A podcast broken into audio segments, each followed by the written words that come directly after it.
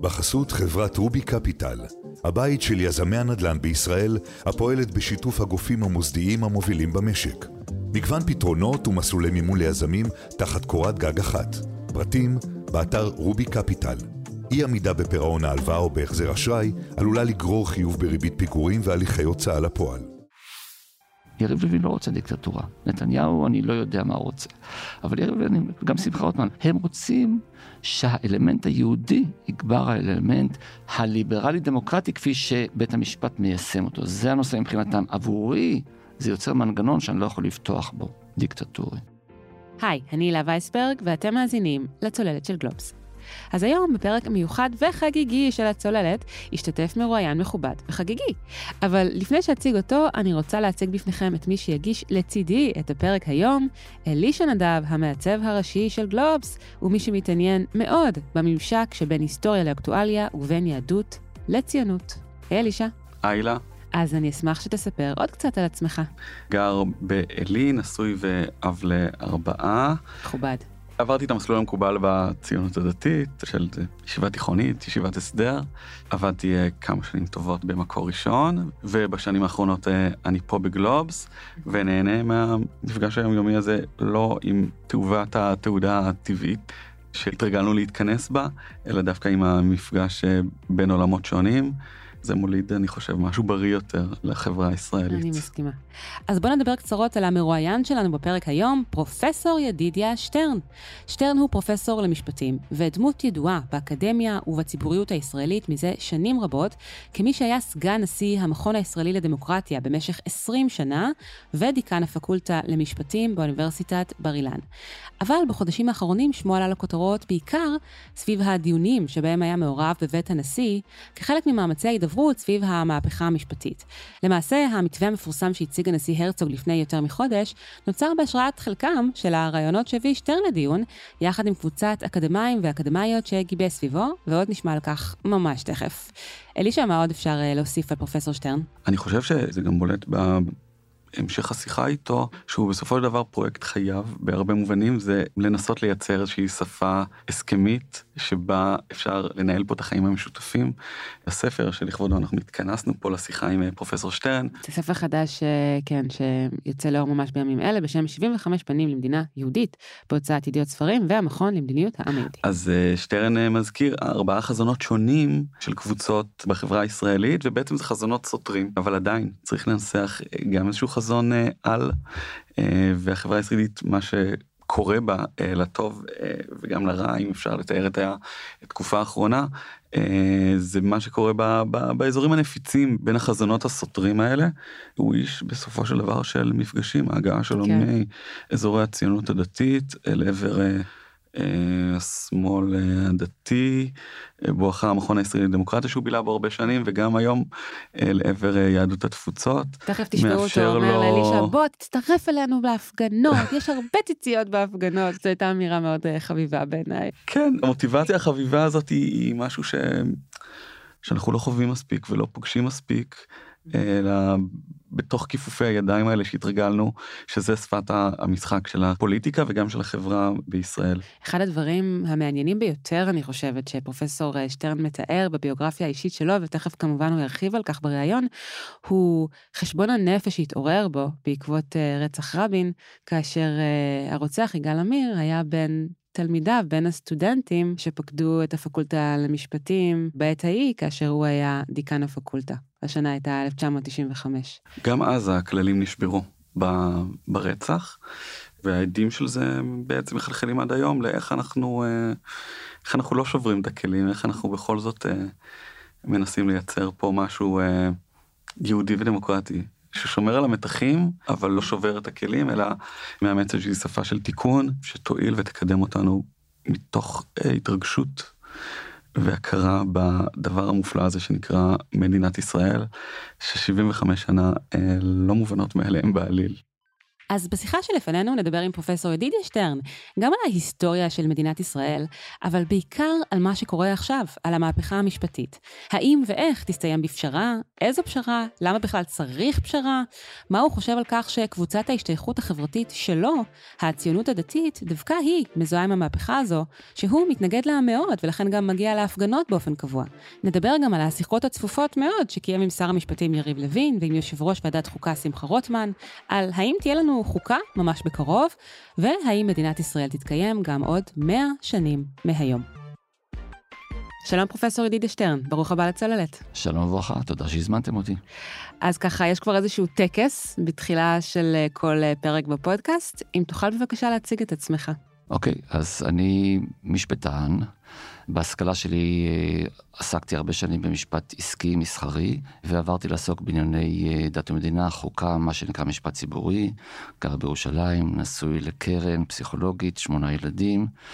במשך uh, הרבה שנים, עד לאחרונה הייתי פרופסור למשפטים באוניברסיטת בר אילן. Uh, במשך 20 שנה הייתי עמית מחקר וסגן נשיא למחקר במכון הישראלי לדמוקרטיה, ובשנתיים וחצי האחרונות, זה העיסוק המרכזי שלי כיום, אני נשיא של מכון שנקרא מכון למדיניות העם היהודי, JPPI, שנמצא בירושלים. מה ככה גרם למעבר מהמכון הישראלי לדמוקרטיה למקום החדש? אז לפני כשלוש שנים פנה אליי מי שהיה אז יושב ראש הסוכנות והיום הוא נשיא המדינה בוז'י הרצוג, יחד עם השגריר דניס ראש מוושינגטון, ואמרו לי, אין אף אה, מקום בכל העולם היהודי שעוסק בהתוויית מדיניות לעולם היהודי כתופעה גלובלית, לא רק למדינת ישראל, אלא לכלל היהדות בארץ ובתפוצות. והם שאלו את אה, דעתי האם אני מוכן לקחת אחריות, המכון כבר היה קיים, אבל לקומם את המכון הזה ולהפוך אותו למרכזי, והנושא הזה של התוויית מדיניות לעם היהודי בכללותו מושך את ליבי, ואמרתי אחרי 20 שנה של עיסוק רק בדמוקרטיה הישראלית, אה, הייתי רוצה לפרוס כנפיים לעיסוק ביהדות באופן רחב יותר ולטווח ארוך, וזה מה שאני עושה בשנים האחרונות. איפה בכלל הגיע העיסוק שלך מעבר מהמשפט אה, עסקי, לצאת מאותו אזור מוכר אל האזור הציבורי? האמת היא שעד בערך גיל 40, שזה שלשום, אה, מה מצחיק פה? עד בערך גיל 40 אה, חשבתי שאני רוצה להיות הפרופסור למשפט תאגידי, לרכישות ומיזוגים, הכי טוב שאני יכול להיות, וזה מה שלמדתי באוניברסיטה בחוץ לארץ, ואחר כך עבדתי בוול סטריט, ואחרי זה חזרתי ארצה וכתבתי את הספרים היסודיים בתחומים הללו. והתמניתי לדקן הפקולטה למשפטים בבר אילן, ובחודש הראשון לכהונה שלי כדקן, צעיר, התבצע מעשה המתועב של רצח ראש הממשלה של כולנו, יצחק רבין, וזה היה קשור אליי באופן אולי הדוק יותר מלאחרים, משום שהרוצח ישב בכיתה שלי. יגאל עמיר. יגאל עמיר, וגם ראיתי שהביוגרפיה שלו, דהיינו מוסדות הלימוד שלו, דומה למדי לזו שלי. זה זעזע אותי עד עמקי נשמתי. מה שעוד הוסיף לכך זה מה שקרה לאחר מכן, כשהציונות הדתית הפכה להיות שק חבטות של החברה הישראלית, בצורה שנראתה לי לא נכונה ולא הגונה, ובוודאי לא עוזרת לביחד הישראלי. אה, ואז שאלתי את עצמי, האם נועדתי להיות רק, לא שזה רע, אבל רק פרופסור למשפט עסקי, ולקח זמן, ואמרתי, אני חייב לעשות משהו שהוא כלל ישראלי, שהוא עוסק בזהות הישראלית, עוסק ביחסים הכואבים בין דת, לאום ומדינה. חשבתי שהמכון הישראלי לדמוקרטיה הוא המקום המתאים, משום שזה מוסד, היה אז ועדיין היום, בולט מאוד בעיסוק בנושאים שחשובים לי. האחריות שלי במכון הייתה על כך מחצית הפעילות של המכון שעסקה בנושאים הפרטיקולריים של הדמוקרטיה הישראלית, דהיינו דת, לאום, חברה יהודית במדינה דמוקרטית. החצי האחר עסק יותר בערכים האוניברסליים, הליברליים הערביים של הדמוקרטיה הישראלית, וכמובן שני החלקים הללו, המתח ביניהם הוא המתח שאנחנו כולנו חיים אותו.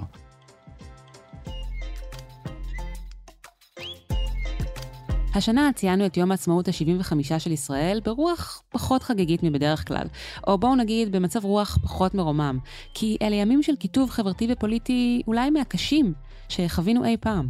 אבל זו גם תקופה שבה רבים מאיתנו התחברו שוב אל היסודות של המדינה, אל מגילת העצמאות, אל הדגל, וגם אל השאלה, למה בעצם? אין לנו כאן חוקה, משהו שיסדיר את כללי המשחק. עוד ניגע בשאלה הזו, אבל תחילה מסביר פרופסור שטרן שעניין החוקה בתצורה הרחבה שלה, כפי שאנחנו מכירים ממדינות אחרות, היא לא נראית אפשרית כרגע ולא נדונה בשיחות בבית הנשיא. שטרן כן מאמין בחוקה רזה, ועל כך נדבר איתו עוד בהמשך. אני חייב לומר שכרגע לא מדברים על חוקה בבית הנשיא, מדברים על ניסיון לטפל בסוגיות הקונקרטיות הספציפיות שהרפורמה של יריב לוין שמה על השולחן הלאומי. אבל האם אנחנו נמצאים ברגע שיכול לזמן לנו אפשרות לפתוח את התיבת פנדורה החוקתית ולעסוק לא רק בשאלה החשובה מאוד, אבל הקונקרטית מאוד של הוועדה למינוי שופטים, אגב, המשבר העצום שאנחנו נמצאים בו כרגע, שלדעתי לא היה משבר כזה מאז 48' ועד היום, בתוך החברה הישראלית, זה יותר מאשר רצח רבין, כפי שאני רואה את זה בהסכמי אוסלו. וגם אני לא בטוח שזה מאחורינו, והלוואי ואתבדה, אבל יכול להיות שהעיקר עוד לפנינו, בהחלט בקלפים. ובכן, בהנחה שזה המצב, יכול להיות שזו הזדמנות באמת לעסוק בשתי השאלות הגדולות האחרות. לא רק הפרוצדורה של איך אנחנו מחלקים את הכוח בין רשויות השלטון, שזה מה שנמצא עכשיו על השולחן, אלא גם בשאלה הגדולה של מי אנחנו, שאלת זהות המדינה, וגם בשאלה אולי החשובה מכולם, והיא שאלת זכויות האדם. Bill of Human Rights, מגילת זכויות האדם, שמדהים שלמדינה יהודית אין מחויבות למגילת זכויות אדם. אף על פי שבהכרזת העצמאות, מגילת העצמאות אה, מתבססת במפורש על, אה, נכון. על מגילת זכויות האדם של האו"ם. רוצה להגיד את זה בצורה עוד יותר כוללת. תראו, המהות של תיקון העולם היהודי, מאברהם אבינו ואילך, כמובן עם, עם הרבה הורדת ידיים פנימית, אבל המהות היא הייתה צלם אלוקים שניתן באדם, ולכן כל אדם הוא בעל ישות שזקוקה להגנה ולזכויות ולחובות ביהדות גם כן. זה דבר שהוא לגמרי טריוויאלי למעיין בתולדות התרבות והחברה היהודית לדורותיה. באופן די מדהים, הקונגרס הציוני הראשון לפני 125 שנה בבאזל, עם תיאודור הרצל, פתח את דיוניו מתוך תפיסה ברורה מאליה של דמוקרטיה מלאה. אין תנועה לאומית אחרת במאה ה-19, במאה ה-20 ובמאה ה-21, שגיבשה מדינה שלא מתוך שפיכות דמים, בגלל שלא קיבלו על עצמם כללי משחק דמוקרטיים. לציונות זה לא קרה עד היום, או כמעט לא קרה, היה התותח הגדול של תלנה, יש מקרים, אבל באופן כללי הצלחנו לעשות מעשה שבעיניי מהדהד את מי שאנחנו, הוא לא מקרי, זה לא יצא לנו טוב. זה נובע מתרבות דמוקרטית מהותית, בלי המילה דמוקרטיה, של כיבוד כל אדם באשר הוא אדם. והנה התכנסנו למדינה, וסוף סוף יש לנו ריבונות פוליטית. הדבר הבסיסי ביותר צריך להיות מחויבות לזכויות אדם, ואכן, כמו שאמרת, בתוך המגילה זה מופיע שוויון, זכויות אזרחי גמור וכולי. לכולם, כולל לערבים אזרחי המדינה. מדובר על 48 בזמן ששבעת צבאות תוקפים אותנו. והאבות המייסדים של המדינה אומרים ניתן שוויון זכויות גמור זה לא כמו המצב הנוכחי שאנחנו מדינה חזקה ואין שום ספק לגבי יהדותה ולגבי בטיחותה. אז אם אז יכולנו להתחייב לזכויות אדם לכל אחד כולל ללא יהודי, והיום אנחנו לא מסוגלים להעביר הסכמה כזאת, אנחנו יודעים שנעשו ניסיונות להעביר את מגילת העצמאות כחוק בכנסת ישראל במהלך השנים, והם לא צלחו, כי אי אפשר להשיג רוב בכנסת ישראל היום למגילת העצמאות. אז גם היא הייתה סוג של נס. למה המילה דמוקרטית לא מופיעה אם כך במגילת העצמאות? אוקיי, okay, אז יש לזה כתיבה, באמת, אה, בחלק מהנוסחים הדבר הזה הופיע, יש מחלוקת בין המלומדים שחוקרים את התולדות של העניין, ואני לא רוצה להגיד אה, משהו עם סימן קריאה, כי אני לא בטוח מה התשובה הסופית, אבל אנחנו יודעים שמשה שרת ובן גוריון, ולפני זה אחרים, שהיו שם ברגע המכריע, אני חושב שבן גוריון רצה מאוד להשתית את המגילה על לאומיות יהודית. באמת המילה מדינה יהודית מופיעה נדמה לי שש פעמים במסמך קצר כל כך של משהו כמו 700 כן. מילים. ואני חושב שהוא רצה להגיד שהדמוקרטיה, כמו ברוח הדברים שאני עכשיו אמרתי לפני דקה. על ייסוד התנועה הציונית, נכון שהמילה נכון, דמוקרטיה לא נאמרה נכון בעצם. נכון שהיא ברורה מאליה.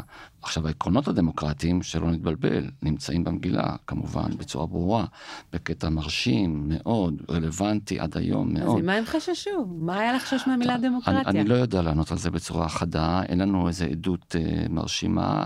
אני מניח שהמטרה הייתה לומר שזה משלנו, זה לא מיוון. המילה דמוקרטיה באה כמובן מהדמוס, מהעם, אבל אני לא אומר את זה כתולדה של מחקר וידע, אלא כהערכה שלי. הזכרת את המכון הישראלי לדמוקרטיה, וככה את המסלול שעברת, ואת חשבון הנפש שנקלעת אליו לאור רצח רבין. והאסוציאציה שעלתה בי היא שהמילים הללו, הכל כך יסודיות, כל כך בסיסיות, מימי מגילת העצמאות, דמוקרטיה, זכויות אדם, הפכו להיות מזוהים עם השמאל, לכאורה. ועכשיו זה ככה עולה ביתר שאת. נכון. החברה הישראלית הצליחה להפוך דגלים כלליים לדגלים של מחנות. יהדות זה של הימין, לאום זה של הימין, זכויות אדם ודמוקרטיה זה של השמאל. ואפילו מגילת העצמאות, אם נחבר את זה למה שאמרנו עד עכשיו, וזה סוג של טרגדיה, גם היא הופכת להיות כבר לכאורה נכס שהוא לא מאחד, אלא הוא דגל של קבוצה מסוימת. במאבק בין צדדים. הסטיקר, אחד הבולטים של המאבק היום, זה נלחמים על מגילת העצמאות. מצד אחד זה מאוד יפה, אני רוצה לשים את זה בפרופורציה. מה שקרה לנו בשלושה חודשים האחרונים, זה שהמרכז הישראלי התעורר לחיים מקבוצה של אנשים שכל אחד היה עסוק בחייו הטובים. ישראל נמצאת בעודף כלכלי, אנחנו נמצאים בגלובס, דבר שכשאני הייתי ילד, היו אומרים לי שבישראל יהיה עודף של הכנסות על הוצאות, זה היה נשמע משיחי ולא ריאלי, אבל זה קרה, אלא מה? הקושי האמיתי של החברה הישראלית הוא שהזהות שלנו, לא רק שהיא לא פתורה, אלא שהיא מסוכסכת מבפנים. וזה באמת האיום הגדול ביותר על הריבונות בעת הזאת. הדבר בא לידי ביטוי כמובן בוויכוח הציבורי המתנהל כרגע בעת שאנחנו מדברים, אבל צריך להבין שהוויכוח הזה הוא רק קצה הקרחון. יריב לוין שם על השולחן הלאומי אה, סוגיות ספציפיות שכמו שאמרתי מקודם, הן קונקרטיות, הן לא מתארות את המחלוקת עצמה, אלא את הביטויים שלה. עכשיו, איך זה קשור לשאלה של יהדות ודמוקרטיה? אני חושב שכל אחד שחי פה מבין, הכנסת בישראל, ודאי הקואליציה הנוכחית, אבל באופן כללי, הכנסת בישראל, יש בה סנטימנט שמעדיף את האופי היהודי של המדינה על האופי הדמוקרטי שלה. ולעומת זאת בית המשפט, ודאי העליון, נתפס כמי שמעדיף בהכללה, את האופי הדמוקרטי של המדינה על האופי היהודי שלה. ומזה, ולא מהבנה של רשויות השלטון או חלוקת הכוח הנכונה, אלא מזה נובעת המחלוקת.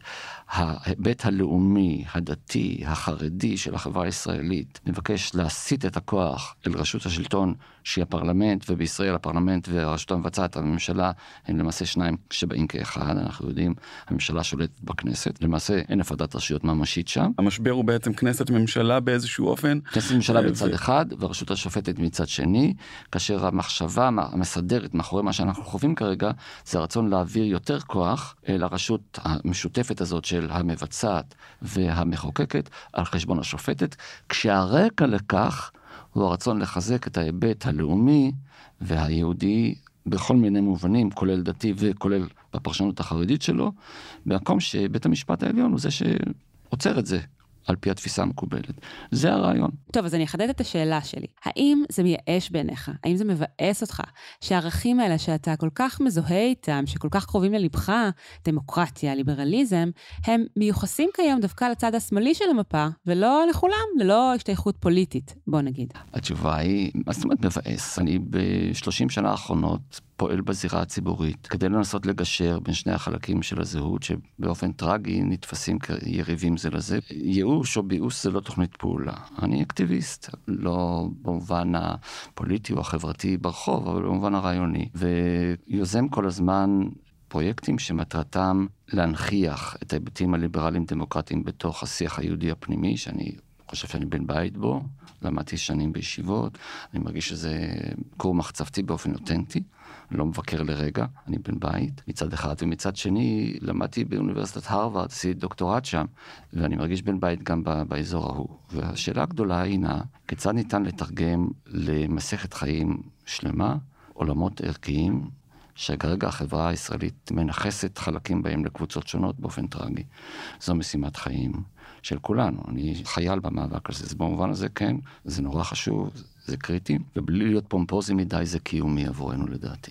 אומרת, אני לא חושב שנוכל להתקיים לאורך זמן, כשהמפגינים בקפלן חושבים שהדמוגרפיה מובילה לכך שקבוצה של אה, אנשים רוצה להנהיג את המדינה על פי עקרונות דתיים לא ליברליים. ומצד שני, אני לא חושב שהקבוצה החרדית והלאומנית דתית, לא הלאומית, הלאומנית דתית, שיש לה ייצוג ניכר היום בשלטון, לא ייתכן שהיא תמשיך להוביל את המדינה כשחלק גדול, לדעתי גם רוב הציבור בישראלי, איננו מוכן לקבל את הדומיננטיות של הערכים הללו בלי, הייתי אומר, מעורבות של מחשבה ליברלית שבראשה, בכותרתה עומד ערך השוויון. הצורך לגשר בין המחנות באופן מהותי ולא רק פוליטי, הוא המפתח ליכולת שלנו להתקיים לאורך זמן כאן כאומה אחת. ללא זה אנחנו נגזרים ליהודה וישראל. רוב הציבור, מדגיש פרופסור שטרן, מחפש את הפשרה, אבל לא בהכרח באופן שבו אתם חושבים על פשרה. למה גנץ עולה בסקרים על חשבון נתניהו ולפיד? בעיניי התשובה העמוקה יותר מהתשובה הברורה מאליה, שהוא מקרין ממלכתיות, זה שהציבור הישראלי מחפש לא פשרה במובן של ויתור לזולת, אלא פשרה במובן של דרך עצמאית שאומרת אני גם וגם. הזכרנו בפתיח שמדינת ישראל היא נס. אבל היא לא רק נס, אלא גם אנומליה, בקנה מידה עולמי. במובן הזה שרק אצלנו הדת היהודית היא גם לאום. וכשזה המצב, ורק יהודים יכולים להגיע לכאן, לקבל אזרחות, למשל מכוח חוק השבות, וכשערבים ישראלים אינם זוכים לשוויון זכויות מלא, האם זה אומר שישראל במהותה היא מדינה מדירה, אפילו גזענית? התשובה היא ודאי שלא, בתנאים. כמעט כל מדינות אירופה הן מדינות לאום, בסגנון הישראלי. הן מכריזות על עצמן כמדינה של השוודים, מדינה של האנגלים. באנגליה זה אפילו יש דת מדינה, שזה הכנסייה האנגליקנית. ובמובן הזה אנחנו לא ייחודיים. תנאי הכניסה לאוסטרליה, למי שאיננו אוסטרלי, יותר קשה מאשר תנאי הכניסה לישראל, למי שאיננו ישראלי כדוגמה. אלא מה? מה שחשוב במיוחד אצלנו, שיש לנו מיעוט לאומי של 21 אחוזים, שכדי שנהיה לגיטימיים בעיני עצמנו כיהודים ובעיני עצמנו כדמוקרטים, אנחנו חייבים לתת להם ללא פשרות שוויון אזרחי כפרטים. בכל הפרמטרים שנמדדים על ידי רשויות השלטון, אנחנו מגלים שהם לא מתוקצבים בחלקם היחסי. התשתיות שלהם, הדבר אולי הכי בולט והכי חורה לי כיהודי, וכדמוקרט, זה שאין שום תוכניות מתאר לפיתוח יישובים ערביים, ולמעט אה, משהו מסוים בנגב, במשך 75 שנות מדינה לא קם יישוב ערבי מוכר אחד. מה מצפים שהם לא יגדלו? הם גדלים. אז אלה דוגמאות, ויש עוד רבות כאלה. המחויבות שלנו כדי להצדיק את מדינת הלאום, ולא להפוך אותה חס וחלילה לגזענית, הוא לשוויון אזרחי. ואני רוצה להדגיש, כשאני אומר שוויון אזרחי לבודדים, אני מתכוון לומר, אבל לא זכויות קבוצה לערבים, במובן שלא הייתי רוצה שישראל תהפוך להיות מדינה נניח כמו בלגיה, שיש בה קבוצות תרבותיות שונות, שכל אחת זוכה לאוטונומיה. אנחנו מדינה קטנה, מאוימת, אנחנו לא יכולים להרשות לעצמנו אוטונומיה ערבית בתוך הקו הירוק. תראה, השבוע ציינו את יום הזיכרון, את יום העצמאות. ואתה יודע, האוכלוסייה הערבית בישראל היא לא מזדהה עם הימים האלה, והיא כמובן לא מזדהה עם סמלי המדינה, לא עם הדגל, לא עם ההמנון, נפש יהודי הומייה. וככה, בכתבים שמופיעים בספר יש התייחסות לכך שאולי אפשר להוסיף אלמנטים לסמלי המדינה שיכולו לגרום לערבים ישראלים להרגיש יותר שייכים, ככה לחזק את ההזדהות שלהם עם המדינה שבה הם חיים. אני מסכים, הטרגדיה שביחסים בין יהודים וערבים במדינת ישראל נובעת לדעתי מהדבר הבא, הערבים לא הפנימו את היותם מיעוט, והיהודים לא הפנימו את עובדת היותם רוב. היהודים בישראל עדיין חיים במנטליות של גלות.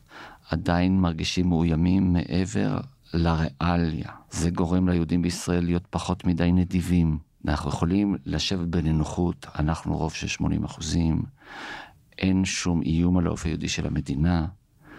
כתולדה מכך אנחנו יכולים להרשות לעצמנו להתייחס לא רק בשוויון אלא גם ברוחב דעת וברוחב לב כלפי המיעוט הערבי. זה גם נכון הומניסטית, זה גם יחזק לא יחליש את האופי הלאומי של המדינה. אנחנו יכולים לחשוב על דרכים שונות, לתת לערבים אזרחי ישראל מקום יותר נוח, זה אף פעם לא יהיה מושלם. הדרך הנכונה לטפל בכך היא לתת תחושה של בית לאנשים שקשה להם להרגיש בבית ואין להם בית אחר. אין להם עוד אופציה אמיתית. איך אתה מרגיש עם זה שהקבוצה החברתית שאתה משתייך אליה, הציונות הדתית, בעצם היא זו שמזוהה כיום עם המהפכה המשפטית? תראי, קודם כל יריב לוין הוא לא בציונות הדתית. יחד עם זאת, אין להכחיש שחלק גדול מאוד מהציבור הציוני דתי מעוניין בשינוי יחס בין רשויות השלטון, וכפי שכבר אמרתי, אני חושב שזה נובע מהתחושה של, לא רק היא, אבל של הציונות הדתית, שבית המשפט העליון איננו מבטא את הפרשנות של הקבוצה הזו ליהודיות המדינה, בהיותו נוטה יותר לערכים ליברליים. במובן הזה, למרות שאני בן גאה לקבוצת הציונות הדתית, חושב שהיא קבוצה מאוד חשובה לחברה הישראלית, אה, במובן הזה אני חושב שיש טעות, טעות מאוד משמעותית בקרב הקבוצה. נכון להיום בית המשפט העליון של ישראל, יש בו מתוך החמישה עשר שופטים, יש כחמישה שופטים ציונים דתיים, יש לפחות שניים שגרים בהתנחלויות, אחד מהם אה, אה, השופט נועם סולברג, אם לא ישנו את כללי המשחק, אם הרפורמה לא תצליח, אז הוא יהיה נשיא בית המשפט העליון של ישראל בעוד כמה שנים למשך שנים ארוכות, כך שנדמה לי שיש פה טעות בהכרת העובדות מנקודת הראות של הציונות הדתית באשר לבית המשפט העליון. אני יכול להבין מאיפה זה מגיע, משום שבאמת פסיקות עבר אה, היו כאלה ש... מנקודת הראות של הציונות הדתית, שההתנחלויות זה פרויקט הדגל שלהם, שמו מקל בגלגלים מצד אחד. מצד שני, בית המשפט העליון הוא כף הנעל שמאפשרת לחברה הישראלית להכניס את הרגל שלה לתוך הנעל של השטחים. משום שבלי הלגיטימציה שנתן שמגר, בעקבותיו בית המשפט העליון, לכל מפעל ההתנחלויות, הדבר הזה לא היה עובר את המשפט הבינלאומי ולא היה מתבצע. כלומר ששוכחים את העניין הזה. אני משיק היום את השלב הראשון של רפורמת המשילות, שתכליתה חיזוק הדמוקרטיה, שיקום המשילות, השבת האמון במערכת המשפט. אז אה, פרופסור שטרן, אני רוצה לקחת אותך שלושה ומשהו חודשים לאחור, אל ה-4 בינואר 2023. שר המשפטים לוין מציג את התוכנית שלו לרפורמה משפטית, הצהרה שהתניעה את התקופה אולי הסוערת והמקוטבת ביותר פוליטית בתולדות המדינה. באותם רגעים, מה עובר לך בראש? מאחר ואני עוסק בחומרים הללו שנים, וגם אני מכיר את האידיאולוגיה של יריב לוין, ושל כן. שמחה רוטמן ושל גופים נוספים בקואליציה. כשיריב לוין בפנים חתומות הציג את uh, ארבעה העקרונות של השלב הראשון מבין ארבעת השלבים. אתם זוכרים שאנחנו עוד לא יודעים מה מסתתר בשלבים הבאים. פניתי לרעייתי קרן ואמרתי לה, נראה לי שאנחנו הולכים למאבק אדיר שיכול אפילו להגיע למלחמת אחים, לא רק מלחמת תרבות. מה אתה אומר? היא הסתכלה עליי אשתי שמכירה אותי כאדם שקול, מאוזן, ואמרה לי, מה קרה לך? על מה אתה מדבר? אמרתי לה, זה הפוטנציאל שמוציא החוצה את הלבה ששקועה בתוך הרגש הישראלי, וכשנתניהו, שנמנע שנים מלעסוק בזה, שם את יריב לוין בעמדה הזאת, ואפשר לשמחה רוטמן להיות בעמדה של יושב ראש החוקה, היה ברור שהפעם זה המשחק האמיתי. ולכן אמרתי לעצמי, ביני לביני בהתחלה, ואחרי זה צירפתי חברים וחברות נוספים, שמדינת ישראל השקיעה בי 30 אה, שנה כפרופסור, שילמה את משכורתי. זה הרגע שאני צריך לנסות לפחות אה, להשיב אה, עם היכולות, עם המקצועיות שאני מקווה שצברתי, להשיב טובה תחת טובה. לכן פרופסור שטרן החליט לעשות מעשה, להקים קבוצה של עשרה משפטנים ומשפטניות, ויחד איתם לגבש מתווה לשינויים במערכת המשפט, שיוכלו אולי להיות מוסכמים על שני צידי המתרס.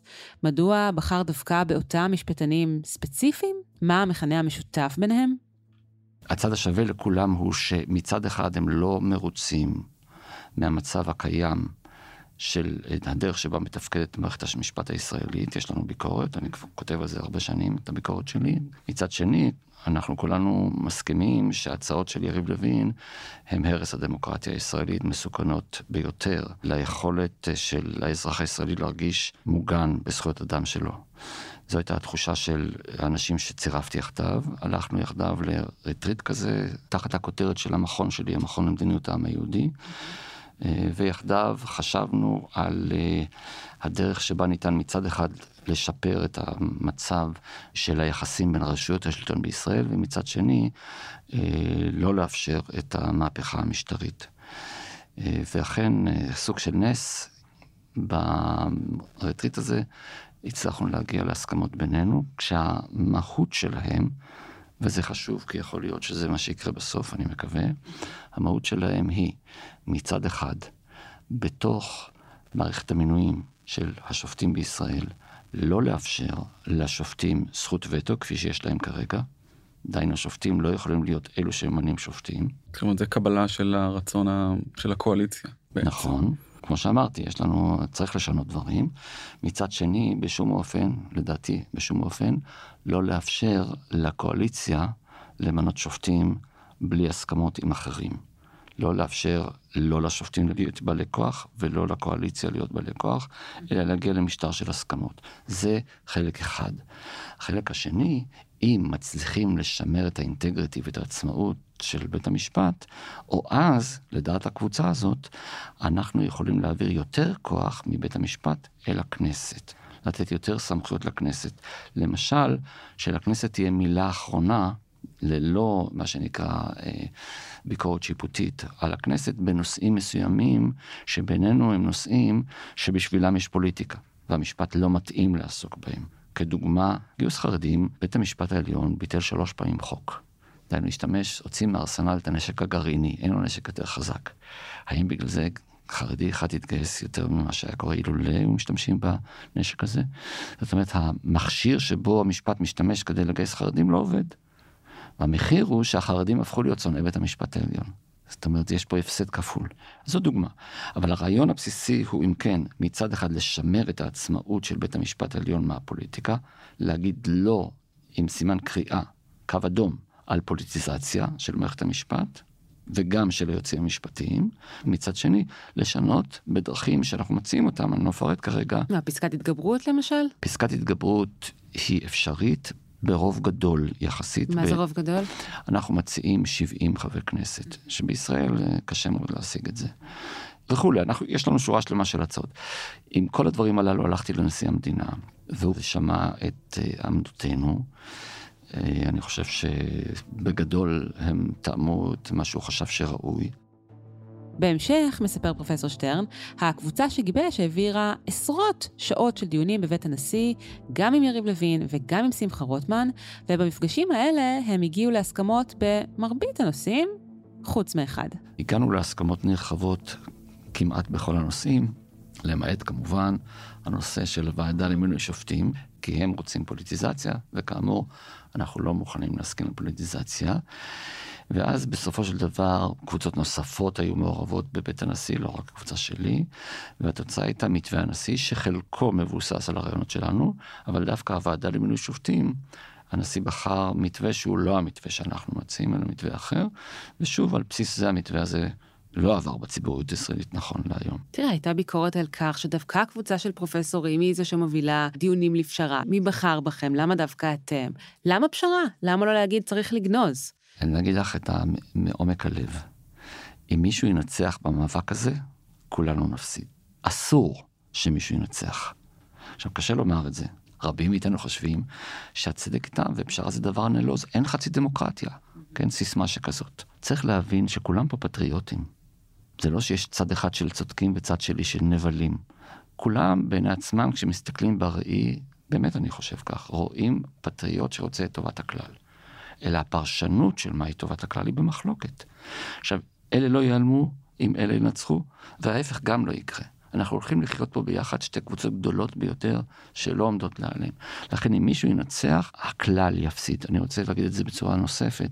החברה הישראלית בנויה מקבוצות זהות שאינן מסכימות על דברים גדולים, לא רק על הרפורמה. ואנחנו מצליחים לחיות כאן ביחד, משום שאין מנצח ברור במאבק הישראלי לאורך כל שנותיו. וזה היתרון שלנו, שאין פה מנצח ברור. היתרון הוא בכך ששלושת הרבעים שהיו מפסידים אם היה פה מנצח ברור, אינם מפסידים באופן כרוני. זה הסוד הישראלי. וזה נכון גם בסוגיה הספציפית הזאת. אני שואל אם בתור מי שישב גם עם, אה, עם רוטמן ועם יריב לוין, אה, כפי שאמרת עשרות שעות, דווקא יצאת אופטימי לגבי היכולת לבסס פה מה שקראת קודם משטר של הסכמות. אני באמת ובתמים לא יודע לומר, כי התחושה שלי הינה שבסופו של דבר זו החלטה של הקברניטים של הקואליציה, בעיקר ראש הממשלה, האם הם מעוניינים להביא את העניין הזה לידי אה, הורדת ידיים כוחנית עד הסוף. או שהם חותרים לפשרה, אני מניח שהסקרים שמלמדים על ירידת הכוח של מרכיבי הקואליציה הם זרז טוב לגרום לכך שהקואליציה תנסה להגיע להסכמות, ויכול להיות שיש ניצנים לכך, כל מיני התבטאויות, אבל אין לי איזה יכולת לנבא את מה שיהיה. זה בסופו של דבר צריך להבין, זה לא עניין מקצועי. אנחנו כמקצוענים משתדלים לתת את מה שאנחנו יכולים. לא בחרו אותנו, את צודקת, אבל לכן גם אנחנו לא מחליטים בכלום. כל מה שאנחנו עושים, אנחנו נותנים עצות כמיטב יכולתנו, אין לנו כוח. והראיה שגם לא קיבלו חלק מהעצות שלנו, שזה בסדר גמור, אין לי טענה. אבל אני שם על השולחן את מיטב היכולת, הרעיונות, האפשרויות המקצועיות, אבל המחלוקת היא לא מקצועית. בואו לא נטעה. המחלוקת היא פוליטית, ומעליה וחשוב ממנה מחלוקת רגשית בין חלקי העם שמאוימים זה, זה על ידי זה משני הצדדים. וזה הדבר האמיתי. בעיניך ההצעה המקורית של אה, לוין היא אכן אה, הצעה שמובילה לדיקטטורה? היא עלולה להוביל לדיקטטורה, וקל לראות זאת. אנחנו יודעים ממונטסקה, מדיסון, וגם מהמסורת היהודית, שאנחנו צריכים מצד אחד איגום כוחות כדי להגן על הכלל, רשות מבצעת חזקה שיש לה צבא ומשטרה והיא סוללת כבישים ומממנת חינוך. מצד שני, זה האיום הכי גדול, עליי כידידיה, כפרט. בין אם זה באמצעות שוטר, בין אם זה באמצעות הטלת מיסים, בין אם זה באמצעות נורמות קיצוניות, פגיעה בחופש הביטוי שלי, או פגיעה בחופש הדת שלי, או כל דבר אחר. זה האיום הכי גדול. מה הפתרון? הדמוקרטי, הפרדת רשויות וביקורת של אחת על השנייה. בישראל אין חוקה, אין שני בתים בפרלמנט, אין חלוקה של הארץ לאזורים שנותנת איזה מין ריבוד של חלוקת הסמכויות בין אזורים שונים, אין פרלמנט חיצוני כמו איחוד אירופאי, אין קבלה שלמה של המשפט הבינלאומי. כל המנגנונים שאמורים להגן עליי כאזרח המדינה לא קיימים. מה קיים בישראל? קיימת הפרדת רשויות משמעותית בין מצד אחד המחוקקת והמבצעת, שכפי שכבר אמרנו, הם מתפקדים כגוף אחד מבחינה ריאלית, לא פורמלית, אבל ריאלית, ובית משפט שהוא חזק בישראל, כוחני, אקטיביסטי, אכן. מה באה הרפורמה לעשות? מה היא מבקשת לעשות? פוליטיזציה של מערכת המשפט. זאת אומרת שהפוליטיקאים ברשות המבצעת והמחוקקת הם אלה שימנו את השופטים.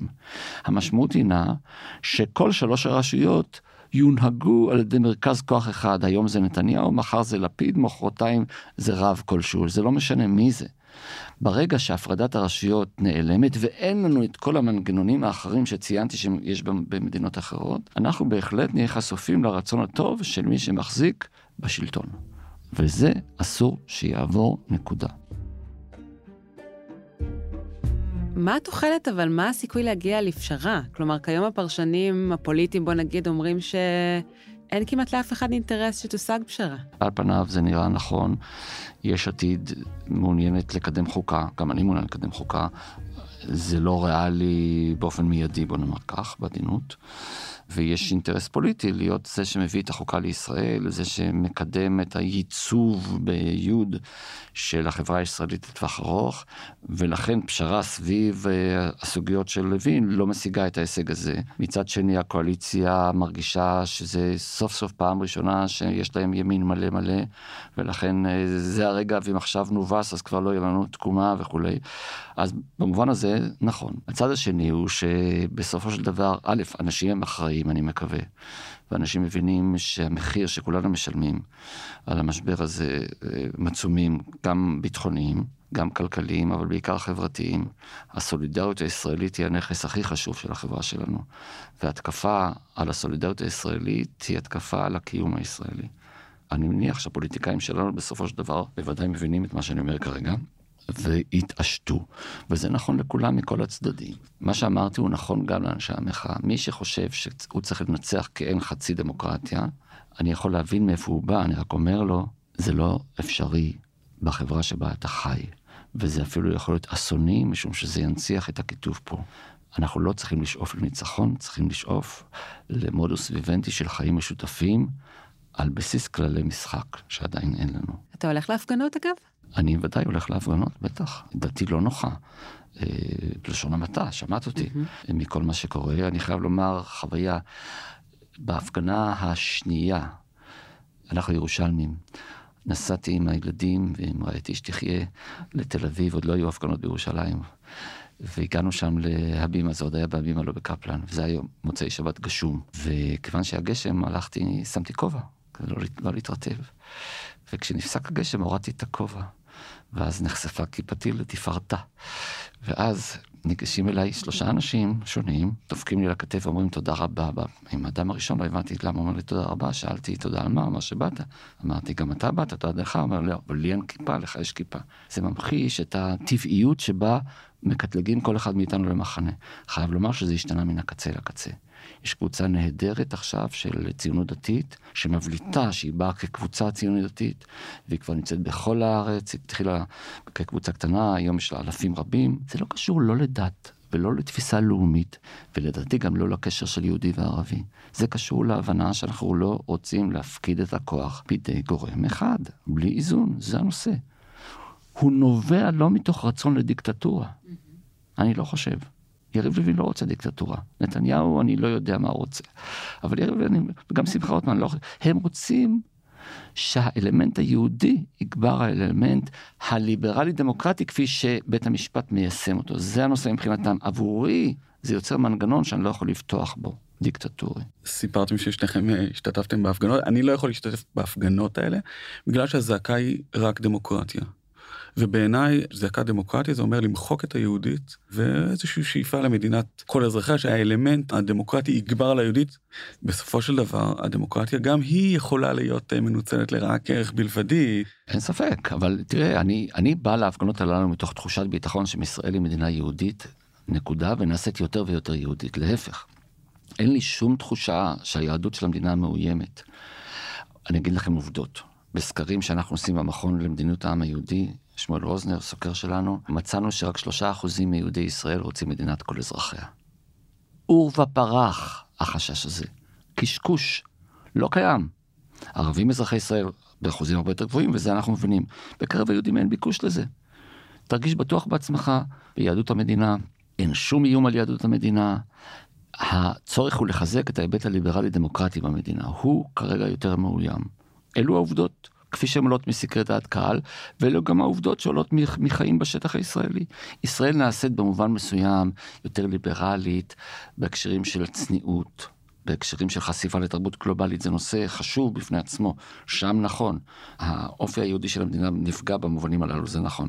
אזורים התרבותיים יותר. נכון, אבל מבחינת המקום של היהדות, כלאום וכדת ובמרחב הציבורי ובתוכניות הלימודים ובשליטה על משאבים ובהפניית משאבים ובבית המשפט העליון ובכנסת בכל מקורות הכוח ההיבט היהודי מתחזק אז אתה יכול לבוא מוצאי שבת הקרוב להפגנה ליד בית הנשיא בירושלים עם זקן הספירה שלך ועם הכיפה שלך ואתה תראה אה, המון אנשים עם ציציות בחוץ. אמרת בעבר על אה, נתניהו שאתה רואה בו פטריוט.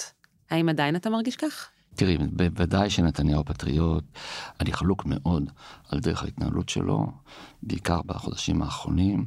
אני חושב שדרך ההתנהלות הזאת עושה נזק לכולנו, אבל גם למורשתו. כרך ב' של הספר שלו, עליו, יראה שונה מאוד מכרך א', חבל שכך.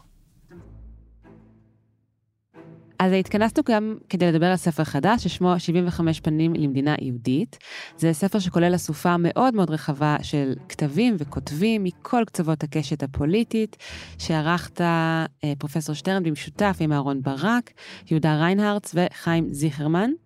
ומה שמדהים הוא שאומנם התחלתם לעבוד עליו טרום המהפכה המשפטית, לקראת יום העצמאות ה-75 של ישראל, אבל הפרסום שלו כעת הוא בעיתוי הכי הכי רלוונטי שיכול להיות, כי בסופו של דבר הספר עוסק בסוגיית העומק הכי בוערת היום של החברה הישראלית, המתח שבין יהודית לדמוקרטית. אז ספר איך התחלתם לעבוד על הספר, איך נבחרו הכותבים, מהו המסר שרציתם להעביר דרכו. כן, קודם כל אנחנו באמת עובדים על הספר הזה כשנתיים וחצי, משום שאנחנו כולנו מבינים שהשאלה הגדולה ביותר המרחפת על עתיד מדינת ישראל, היכולת של החברה בישראל לאמץ לתוכה את הזהות היהודית ואת הזהות הדמוקרטית-ליברלית, שיש ביניהם מתח. המתח הזה נובע מפרשנויות פונדמנטליסטיות של ליברליזם ומפרשנויות פונדמנטליסטיות של היהדות. אבל גם פרשנויות לא פונדמנטליסטיות, לא קיצוניות, מעוררות מתח. רציתי גם להוציא את השיח מהאזור הפוליטי שהוא כוחני. רציתי להוציא אותו מהמישור של מדיה חברתית, שהוא הורדת ידיים אינסופית, ולאפשר מרחב נשימה להבעת עמדות מסודרת. הכותבים בספר התבקשו להתייחס לשאלה הבאה, מהי מדינה יהודית? זו הייתה השאלה, מסביר פרופסור שטרן, כי בעולם יש יותר מ-100 דוגמאות למדינות דמוקרטיות, אבל אין אף דוגמה למדינה יהודית. ולכן פנינו באמת ל-75 כותבים כנגד יום העצמאות ה-75, ואמרנו, אה, תנו לנו מסע של 2,000 מילה על מה זה אומר. באמת הצלחנו, אני חייב לומר, אה, פעם ראשונה למיטב ידיעתי, שבין שתי כריכות מופיעות עמדות של אנשים מכל הקצוות כולן, כולל אה, חרד"ליים, כולל ליברלים, כולל ערבים, כולל מנהיגים של יהדות התפוצות, מרכזיים ביניהם, גם פילוסופים, גם משפטנים, גם רבנים מובילים, גם אינטלקטואלים ציבוריים. וככה אמרתי לך בשיחה המקדימה לשיחה הזו, שאני מרגישה שהוא מציף הרבה מהסוגיות שהדחקנו בשנים האחרונות, שיכולנו, הייתה לנו את הפריבילגיה לא לחשוב עליהן כל כך, כי המצב היה טוב, ובילינו, ונסענו, וכייפנו, וקנינו, והכל היה נראה בסך הכל סבבה, ושקענו אל תוך עצמנו אולי. ובהקשר הזה, אה, סימנתי לי פה להקריא לך אה, משהו שכתב למשל ג'רמי בן עמי, יהודי אמריקאי, מייסד ונשיא השדולה האמריקאית J Street, הוא כותב כך: כיבוש, פלסטינים, שלום, שתי מדינות. אני המום מכך שעורכי הספר הזה, כאשר הציגו לכותבים את מסגרת התכנים המוצעים, לא השתמשו אפילו פעם אחת בחמש המילים האלה, שבעיניי מציבות אתגר של ממש לזהותה היהודית של ישראל ביובל ה-75 שלה. מה דעתך? קודם כל זה לא מנע לא רק ממנו, אלא גם מרבים אחרים לעסוק בסוגיה, אבל אני רוצה להבהיר. אני חושב שהשיחה הישראלית על השטחים ועל הכיבוש היא השיחה המרכזית במשך, אה, אה, מאז 67' וכמעט עד היום, והזנחנו כחברה, הזנחה היסטורית, את השאלה, יהא הקו הירוק במקום אשר יהא, איזה ישראל תהיה בתוך הקו הירוק הזה? השאלות של החברה האזרחית הן שאלות שהוזנחו, ואני חייב לומר באופן מעניין, דווקא משום שכרגע על שוק הרעיונות הישראלית השתלטה הנחה שאין עם מי לדבר בצד הפלסטיני, דווקא משום שאין עכשיו בעצם שום הצעה להסדר שלום עם הפלסטינים, תשומת הלב של כולנו מופנית אל השאלה מי אנחנו, מה אנחנו, מה עתידנו, דמוגרפיה ישראלית, יהודית ודמוקרטית, דת ומדינה, לאום ומדינה. זה לא היה ככה 50 שנה. עכשיו כמובן, אני לא אומר ששאלת השטחים היא, היא לא חשובה, היא כמובן מאוד חשובה. אם לא יימצא פתרון כלשהו מדיני לשאלת השטחים, אנחנו נתקשה להיות דמוקרטיה לאורך זמן, ואולי גם נתקשה להיות מדינה יהודית לאורך זמן. יש איזה חזון שהפתיע אותך בספר? יש הרבה דברים מפתיעים בספר. למשל, הסתכלות על ישראל כמדינה לבנטינית. לא רק בהקשר של יהדות ודמוקרטיה, אלא בהקשר של האזור שבו אנחנו נמצאים. מה המשמעות של זה? יש הסתכלות של ערבים אזרחי ישראל שנותנים, תסלחו לי על הביטוי, הכשר ליהודיות המדינה. אני יכולה להקריא קטע? כי סימנתי לי פה משהו שהיה נראה לי מעניין. מוחמד דראושה, מנהל אסטרטגיה בגבעת חביבה, המרכז לחברה משותפת, כותב כך בספר על חוק הלאום שחוקק בשנת 2018, כמי שתומך בהקמת מדינה פלסטינית שתבטא את הרצון הלגיטימי של העם הפלסטיני להגדרה עצמית, קשה לי להתנגד למדינה יהודית כמדינה המבטאת את הרצון הלגיטימי של העם היהודי להגדרה עצמית. היותה של המדינה מדינת לאום של העם היהודי היא לא הבעיה בעיניי.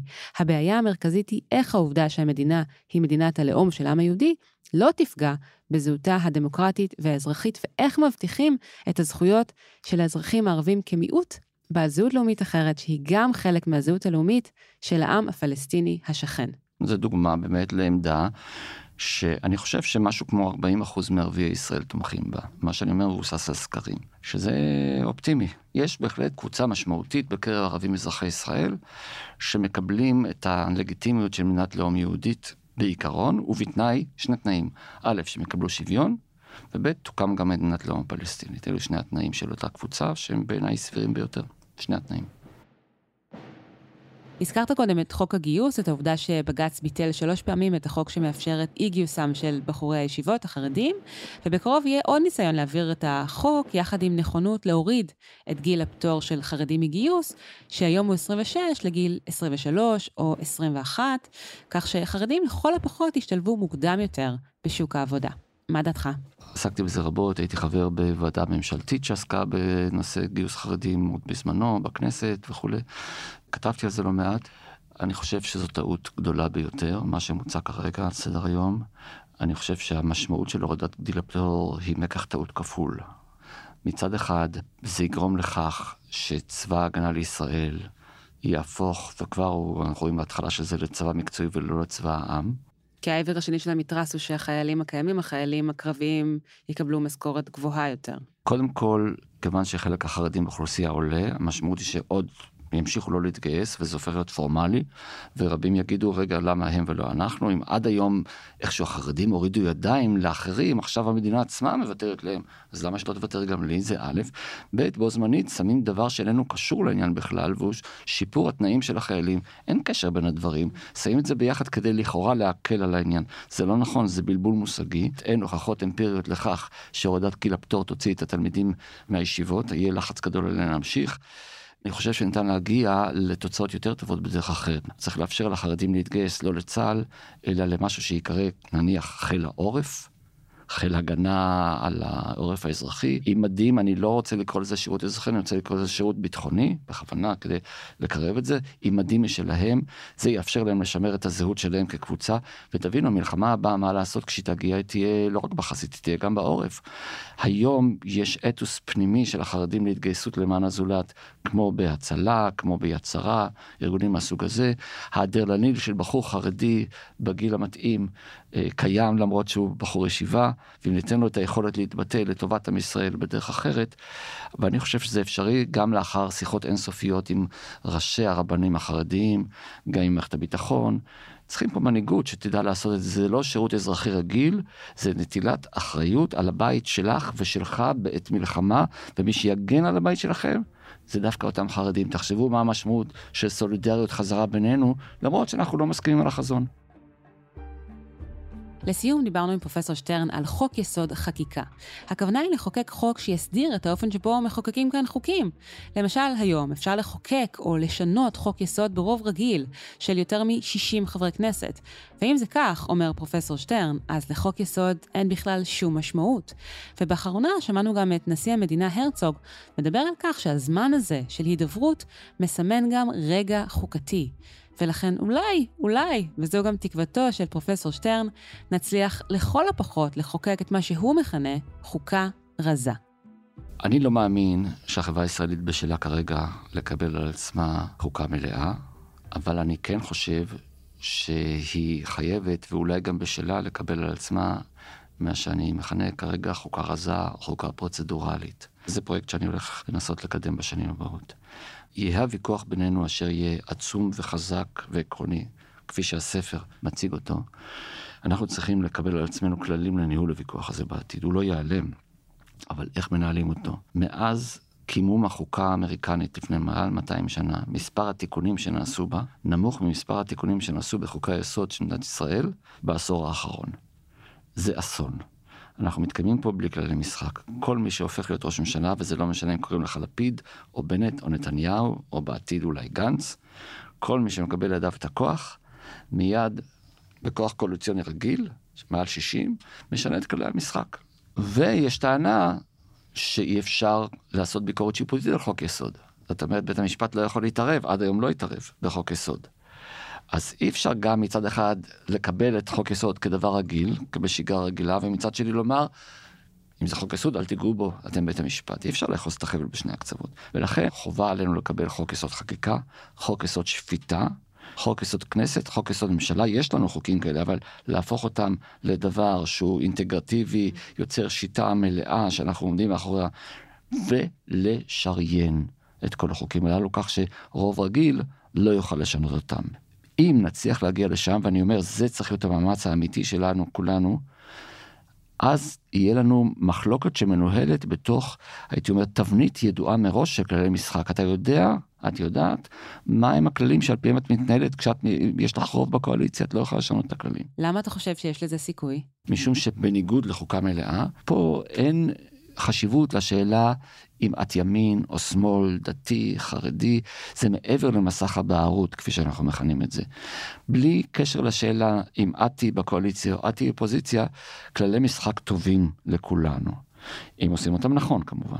וזה לדעתי מה שצריך בסופו של דבר להגיע אליו, דהיינו לא רק לעסוק בארבע נקודות שיריב לוין שם על השולחן בגלל האינטרסים שלו הנקודתיים או האידיאולוגיה שלו, אלא להרחיב את היריעה, ואני גם רוצה להגיד שזה יכול להיות גם מפתח לפשרה כרגע, משום שאם שמים רק את ארבע הסוגיות הללו, אנחנו רואים, אנחנו נתקעים. אם נעשיר את הנוסחה, נוסיף סוגיות, לכאורה מספחים, לא.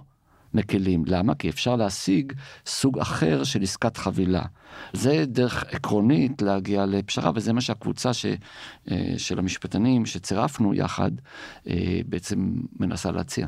כולם מדברים כיום על ה... אה, הימים של המהפכה המשפטית שהוביל אהרן ברק, על כך שאולי שם נטמנו זירי הפורענות. ואני חושבת על כל מיני תקופות בהיסטוריה של מדינת ישראל שמוזכרות גם בספר, ואני אומרת, אולי בכל מיני תקופות נטמנו זירי פורענות. אם זה ביום הקמת המדינה, כאשר היינו אמורים לחוקק חוקה ולא חוקקנו חוקה, האם זה ב-67, כשכבשנו את השטחים והשארנו את המצב כפי שהוא, האם ביום רצח רבין, איך אתה רואה את זה? כן, בחיים של אומה, כמו בחיים של אדם, יש רגעים שהם גם בו זמנית וגם בדיעבד מתגלים כמכריעים. ב-48 לא חוקקה חוקה, משום שראש הממשלה דאז בן גוריון חשב שחוקה תגביל את הרשות המבצעת מפני עשייה של המעשים הגדולים הנדרשים לשם בניין אומה. האם למשל ניתן היה לעשות את מה שהיה בזמנו ממשל צבאי לערבים? אם הייתה חוקה, כמובן שלא. עכשיו, אני לא שופט אותו, כי זה אנכרוניזם להיות היום ולהגיד עליו מה הוא היה צריך לעשות, זה קל מאוד. אבל אה, זו העובדה ההיסטורית. אין לנו חוקה מ-48, לא שלא חשבו על כך, היו כבר טיוטות לחוקה, היו ניסיונות אמיתיים, והרצון של בן גוריון לאפשר לעצמו, לא לעצמו באופן אישי, אלא לרשות המבצעת, לממשלה, לעשות את מה שנדרש נוכח הסיטואציה המאוד קשה ב-48, הוא הסיבה המקורית. עכשיו זה נכון שבדרך היו לנו עוד רגעים לאומיים מאוד דרמטיים, שחלקם ניצלנו וחלקם פספסנו. בכל מקרה כרגע, וזה מה שחשוב, אנחנו ברגע דרמטי. הרגע הדרמטי הזה מסמל, אני מאוד מקווה, את ההתעוררות של הכוח המרכזי בחברה הישראלית ככוח שיש לו משמעות ציבורית ולא רק פרטית. הוא לא רק פועל בכלכלה, אני מקווה שהוא יפעל גם בחברה, גם בפוליטיקה, ובעיקר בשוק הרעיונות. שימו לב שאין היום שום במה רעיונית לרעיונות של המרכז. יש במה לימין, יש במה לשמאל, אין במה רעיונית. אני לא מדבר על עיתון, אני מדבר על במה רעיונית. כאשר מדברים על המהפכה המשפטית שהוביל אהרון ברק כשהיה נשיא בית המשפט העליון בשנות ה-90 וה-2000, מתכוונים לכך שברק פירש חוקי יסוד שהיו אז, חוק יסוד כבוד האדם וחוק יסוד חופש העיסוק, תחת פרשנות נרחבת, שכללה תחתיה גם ערכים נוספים, למשל שוויון. שאלנו את שטרן האם מדובר היה בטעות בעיניו.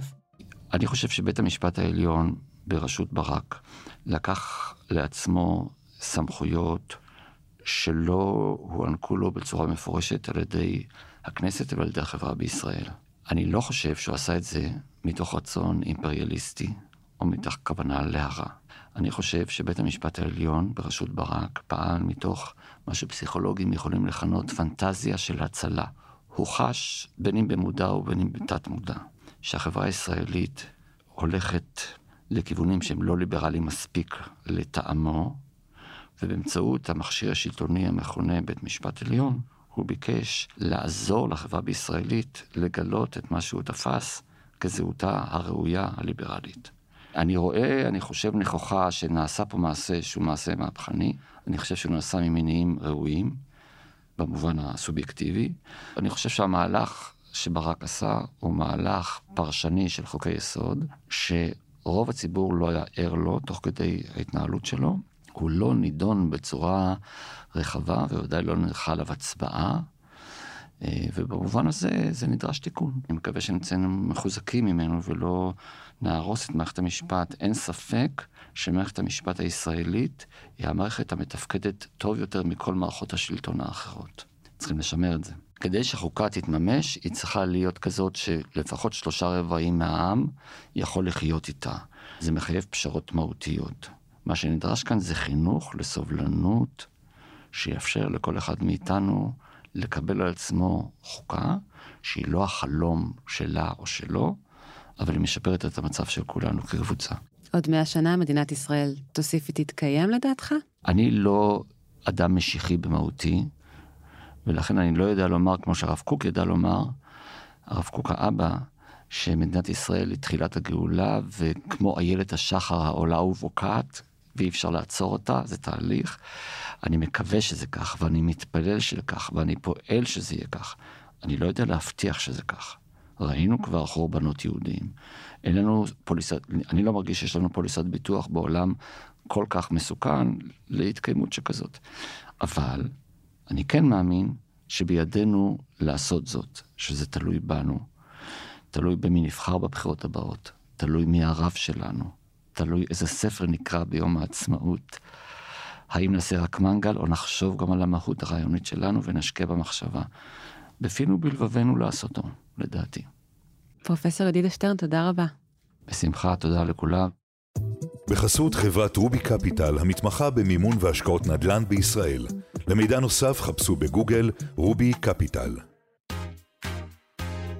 עד כאן עוד פרק של הצוללת. אתם יכולים למצוא אותנו באתר גלובס, בספוטיפיי או בכל אפליקציות פודקאסטים. נשמח אם תעשו לנו subscribe, ואם אהבתם, שילחו את הפרק לחברה או חבר. שאתם אוהבים.